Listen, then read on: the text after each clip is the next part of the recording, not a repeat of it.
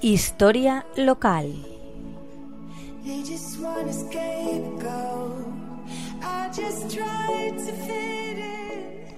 Buenas tardes, amigas y amigos de la Tegua Radio.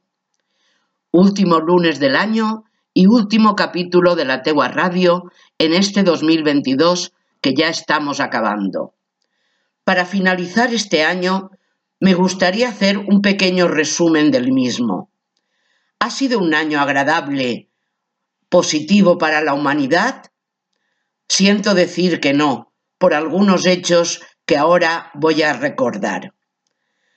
Tras unos complicados 2020 y 2021, donde la mayoría de las personas de todo el mundo los calificó de año horribilis, parecía que el 2022 sería el año donde todo iba a ir mejor, pero nada más lejos de la realidad.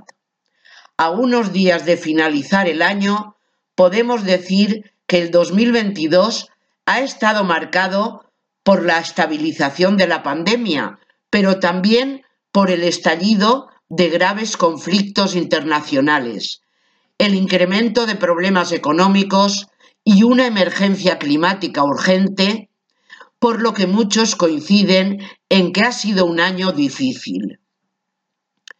Con esta frase he decidido llevar a cabo una operación militar especial.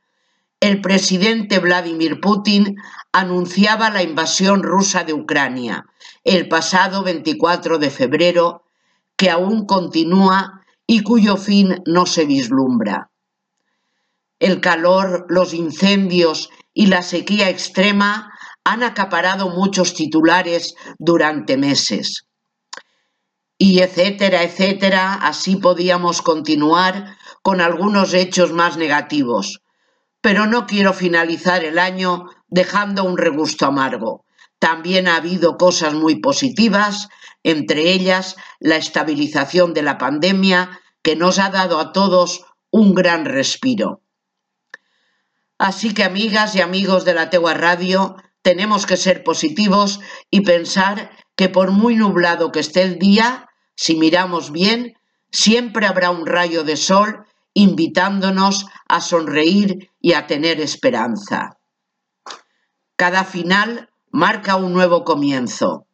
Espero y deseo que el año nuevo 2023 sea como un lienzo en blanco donde podamos escribir con felicidad y mucho amor nuestro paso por la vida.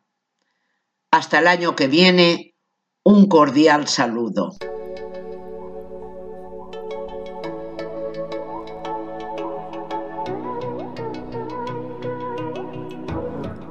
Historia local.